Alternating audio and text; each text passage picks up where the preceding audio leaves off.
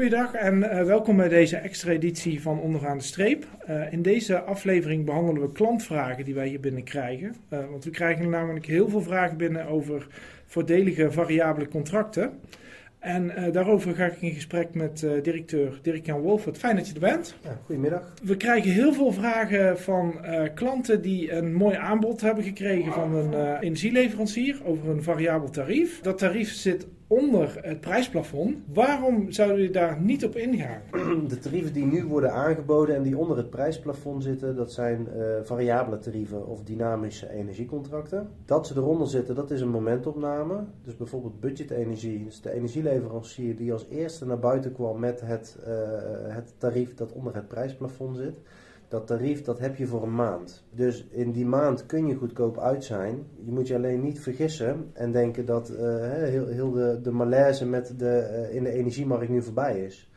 We zagen vorig jaar dat er ook momenten waren waarop die prijs uh, daalde. En soms zelfs heel hard daalde.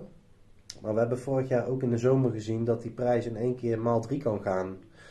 Dus je kunt, je, je kunt denken van nou ik ga snel, hè, ik, ik sluit snel dat contract af. Maar enerzijds duurt het 30 dagen voordat je op dat contract zit. Ten tweede heb je dan die tarieven voor één maand. En een maand later uh, kunnen die tarieven alweer twee keer zo hoog zijn. Dus het biedt heel weinig zekerheid. Ja, en, en het lost in die zin geen probleem op. Want uiteindelijk wil je dat je gewoon een, een laag tarief hebt voor een vaste periode. Dus minimaal een jaar of misschien zelfs langer. Ja, en daar is dit geen oplossing voor. En wat zou je mensen uh, adviseren die hierover uh, over nadenken? Ik zou ze adviseren om te gaan kijken naar een vast contract. Bij de Vaste Lastenbond bieden we ook een vast contract aan. Dan heb je tarieven die vaststaan voor een jaar. Die zijn weliswaar iets hoger dan het prijsplafond. Maar daarbij, daarbij heb je wel de zekerheid dat je de komend jaar, het komende jaar een scherp tarief hebt.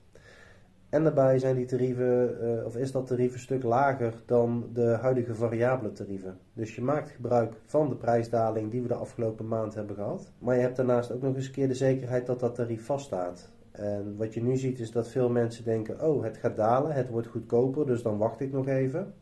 Maar de kans is heel groot dat ze te lang wachten en dat het aanbod weer weg is. En dat ze vastzitten aan een heel duur variabel tarief dat dan weer omhoog gaat.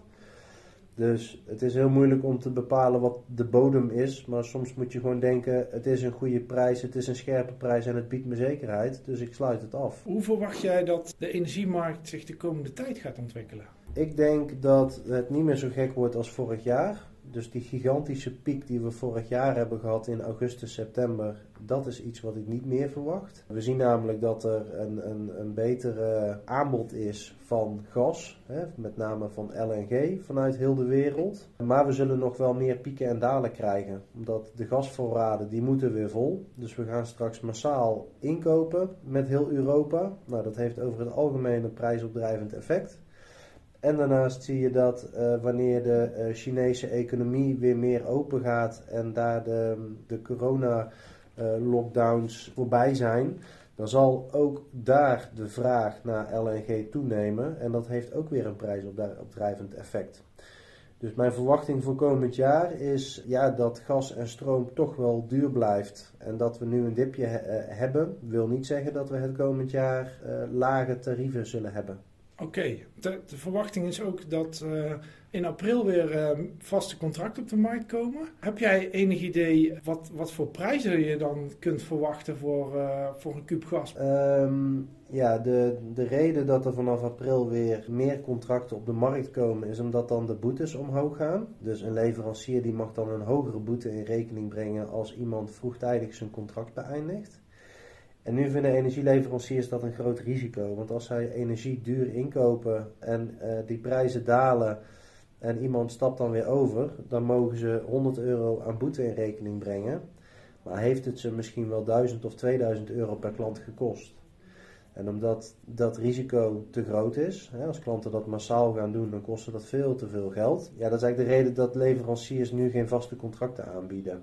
Op het moment dat die contracten weer aangeboden gaan worden, dan kan de risicoopslag naar beneden. En dat is een onderdeel van het energietarief, uh, waarin energieleveranciers uh, een vergoeding vragen voor het risico. Maar dat risicotarief dat kan naar beneden.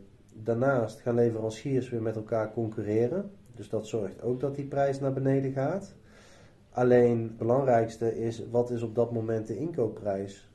Als die eh, op het niveau is als nu, dan verwacht ik dat we hele gunstige contracten krijgen. Maar ja, is die op het niveau van de maand geleden, dan zijn we met z'n allen toch duurder uit dan, uh, dan dat we het afgelopen jaar waren. Het is nog volkomen onzeker eigenlijk. Ja, er zit er nog een hele grote mate van onzekerheid in. Maar wel kunnen we zeggen als die concurrentie terugkomt dat uiteindelijk de, de, de consument daarvan uh, gaat profiteren. En uiteraard uit de vaste lastenbond dat ook uh, nauwlettend in de gaten. Ja, we houden dat zeker nauwlettend in de gaten. Op het moment dat het lucratief is, dan gaan wij natuurlijk weer contracten afsluiten voor onze klanten. Of gaan we ze adviseren wat ze het beste kunnen doen met hun energiecontract. Nou, dat lijkt me een hele mooie boodschap om deze aflevering mee uh, af te sluiten. Okay. Dus uh, dankjewel voor je komst. Heel graag gedaan. En tot de volgende keer. Tot de volgende.